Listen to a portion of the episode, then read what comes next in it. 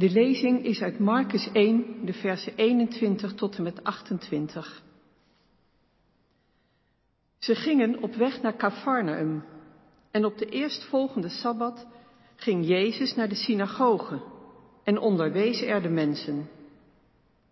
Ze waren diep onder de indruk van zijn onderricht, want hij sprak hen toe als iemand met gezag, niet zoals de schriftgeleerden. Er was in de synagoge ook een man die bezeten was door een onreine geest en hij schreeuwde, Wat hebben we met jou te maken, Jezus van Nazareth? Ben je gekomen om ons te vernietigen? Ik weet wel wie je bent, de heilige van God. Jezus sprak hem streng toe en zei, zwijg en ga uit hem weg. De onreine geest deed de man stuiptrekken en verliet hem met een luide schreeuw. Iedereen was zo verbijsterd dat ze tegen elkaar zeiden, wat is dit allemaal? Een nieuwe leer met groot gezag. Zelfs als hij onreine geesten een bevel geeft, wordt hij gehoorzaamd. Het nieuws van Jezus verspreidde zich al gauw overal in Galilea. Zo luidt het woord van de Heer, gelukkig degene die het woord van God hoort en eruit leeft.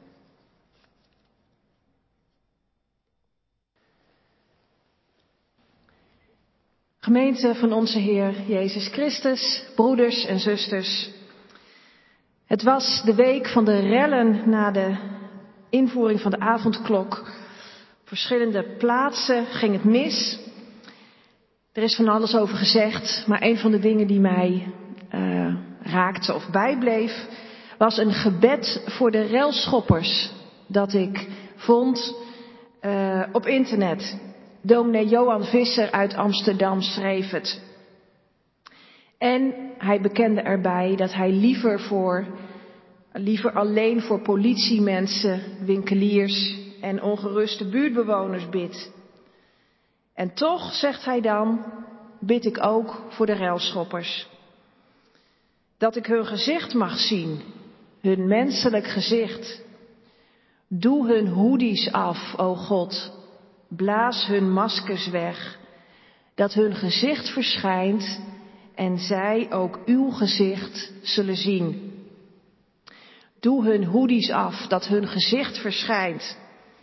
Marcus vertelt ons vandaag hoe Jezus vanaf het begin werkzaam is in een wereld die is losgeslagen, waar rellende machten aanwezig en bezig zijn.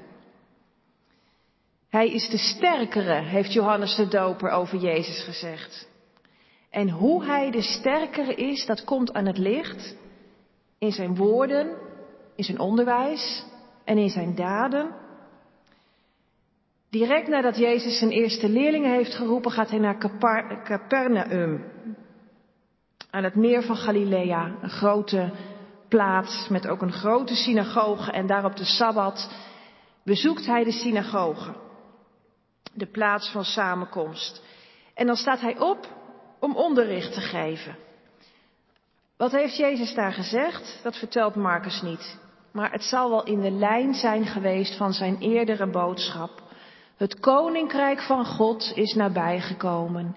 Keer je om en geloof het goede nieuws. Het maakt in ieder geval diepe indruk op de inwoners van Capernaum.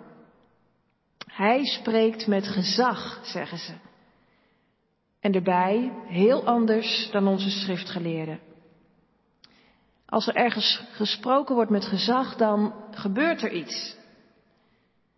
Deze woorden, voel je dan, die gaan niet over God, maar die zijn geboren vanuit de omgang met God. En zo zetten ze mij als hoorder en de hele wereld in het licht. En dat is wat de mensen daar geproefd hebben. Jezus brengt geen boodschap, zoals de schriftgeleerden. Hij is zelf de boodschap. Hij roept de beloftes van de eeuwige aan zijn volk niet alleen in herinnering, maar hij zal ze ook waarmaken en vervullen. de sterkere, wiens woorden zuiver als goud zijn. Wat snakken wij vandaag de dag ook naar mensen die zo spreken met gezag, die zijn en doen wat ze zeggen. Kennen wij zulke mensen? Zijn wij zulke mensen? Zou God ook ons als volgelingen van deze Jezus niet roepen om eenvoudig te leren spreken vanuit de omgang met Hem en Zijn woord? Niet meedoen in dat hele meningencircus, maar in vertrouwen dat leven en doen en zeggen wat je uit de schrift opvangt. Hij spreekt met gezag. En de mensen zijn er diep van onder de indruk. Maar nog maar nauwelijks is Jezus uitgesproken, of dan wordt zijn gezag als het ware al op de proef gesteld. Het koninkrijk, Gods koningschap, is dichtbij gekomen, zegt Jezus. Dichtbij waarbij? Dichtbij de wereld. Dichtbij het dagelijkse leven waarin ook onreine geesten en machten werkzaam zijn. En kijk, daar staat een schreeuwer op, een railschopper, en die laat van zich horen. Een mens met een onreine geest staat er. Wie deze mens werkelijk is, dat gaat schuil achter het geweld dat er uit zijn mond komt. Wat hebben wij met jou te maken, Jezus Nazarener? Ben je gekomen om ons te vernietigen? Hoe je dat nou precies moet zien, zo'n onreine geest, daar wil ik even van wegblijven. Laten we vooral goed luisteren en lezen wat zich hier afspeelt. En dan zien we een man die zichzelf niet meer de baas is.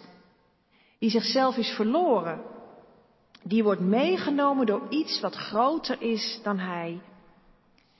Als je heel precies het Grieks leest, dan valt op dat er staat, niet hij heeft een onreine geest, maar hij is in een onreine geest. Je kunt als mens in een bepaalde atmosfeer zijn, een, een bepaalde geest inademen, meegezogen worden, bevangen raken. Zoiets hoorde ik in de reactie van een van de railschoppers die deze week al voor de rechter stond. Stond een verslagje in de krant. Ik liep daar zomaar, zei hij. Ik was niks van plan. Maar ik werd meegezogen door de slechte. Ik kon er niet tegenop. Opeens voelde ik iets van wij en zij, iets van macht. En toen gooide ik die steen.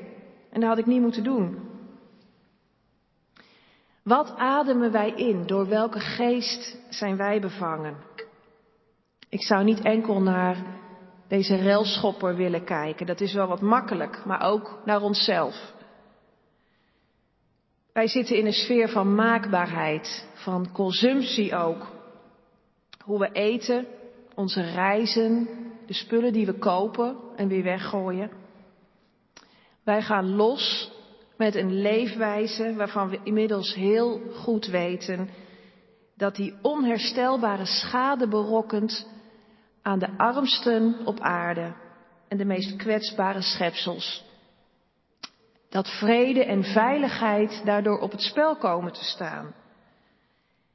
En dan klinkt er in die geest die wij ademen, in die levensstijl waar we zo aan gewoon zijn en gehecht, de stem van Christus die zegt, word daar toch vrij van. Keer je om en wat je dan in Capernaum ziet gebeuren, is dat juist die oproep van Jezus verzet losmaakt. Het is best mogelijk dat die man jarenlang rustig in de synagoge heeft gezeten om te horen wat de schriftgeleerden en de fariseeën te zeggen hadden. Maar als Jezus komt met zijn boodschap dat Gods koninkrijk dichtbij is gekomen, dan raakt hij buiten zinnen. Het wemelt in de evangeliën van de bezetenen. Het kan ook heel religieuze mensen overkomen.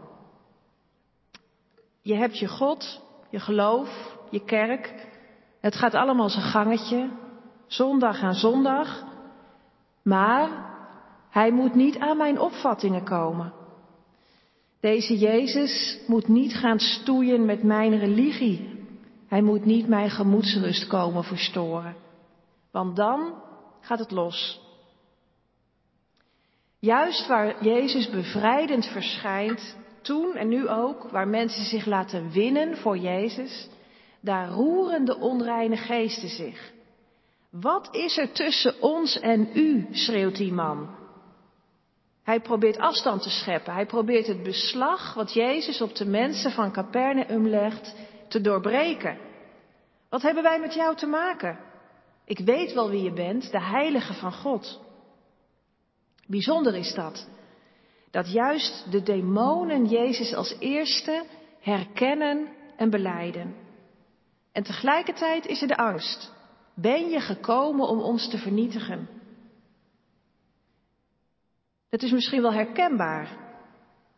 Naar Jezus verlangen, in Hem Gods heiligheid proeven en tegelijk bang zijn dat Hij je leven op zijn kop komt zetten. Misschien wel komt vernietigen, veroordelen. Die stem die fluistert om je heen, misschien ook wel in je, maar waar blijf je zelf dan nog?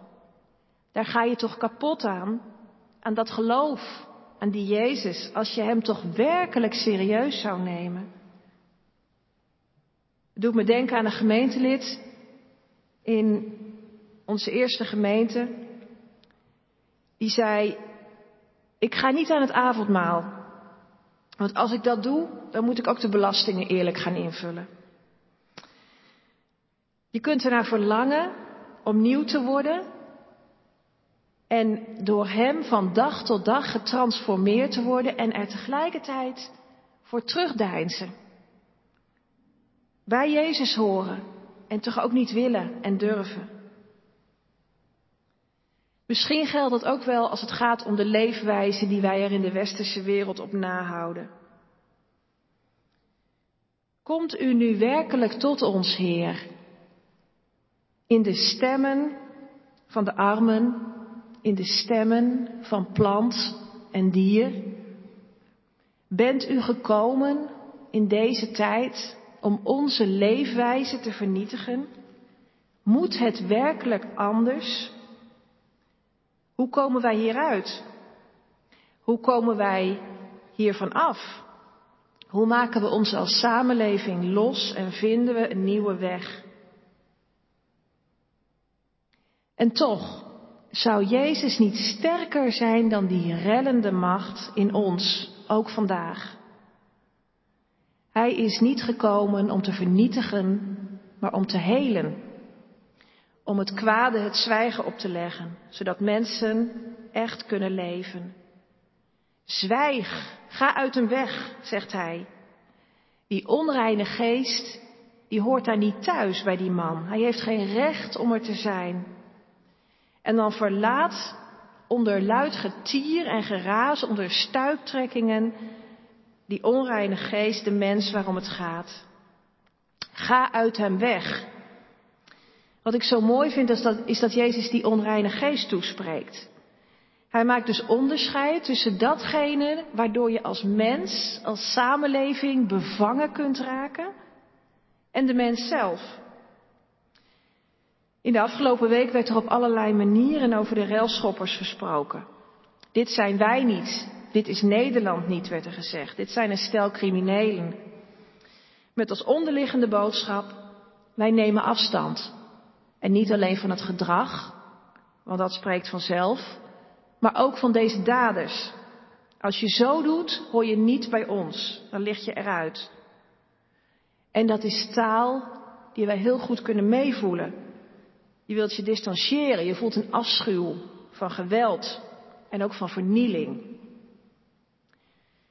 En tegelijkertijd horen we in Jezus optreden naar deze man met die onreine geest, ook naar ons toe, naar de wereld toe, een andere toon. En op die toon van Jezus worden wij geroepen om ons leven af te stemmen. Het is alsof Jezus tegen die synagogeschreeuwer zegt, zo ben jij niet. En dit ben jij niet.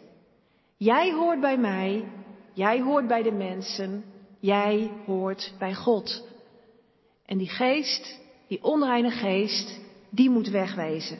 Zwijg, wees stil.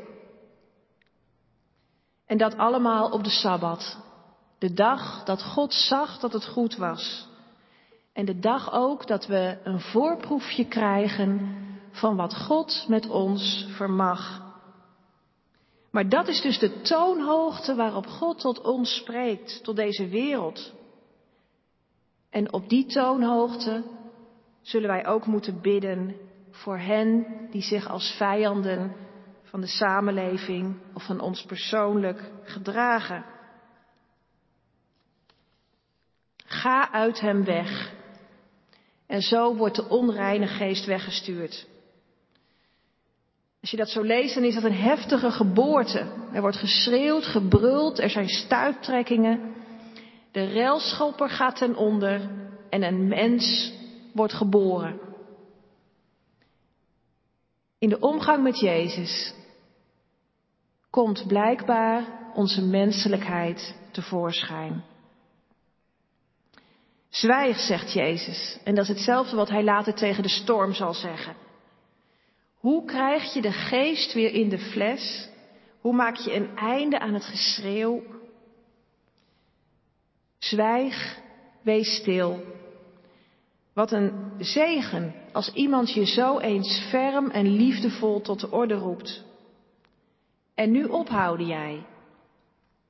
Hebben wij zo iemand?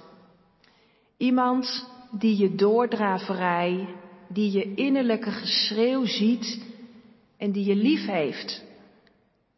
En laten we het toe, ook als samenleving. Die stemmen waarin Jezus ons vandaag de dag tot de orde roept en ons bij zinnen brengt.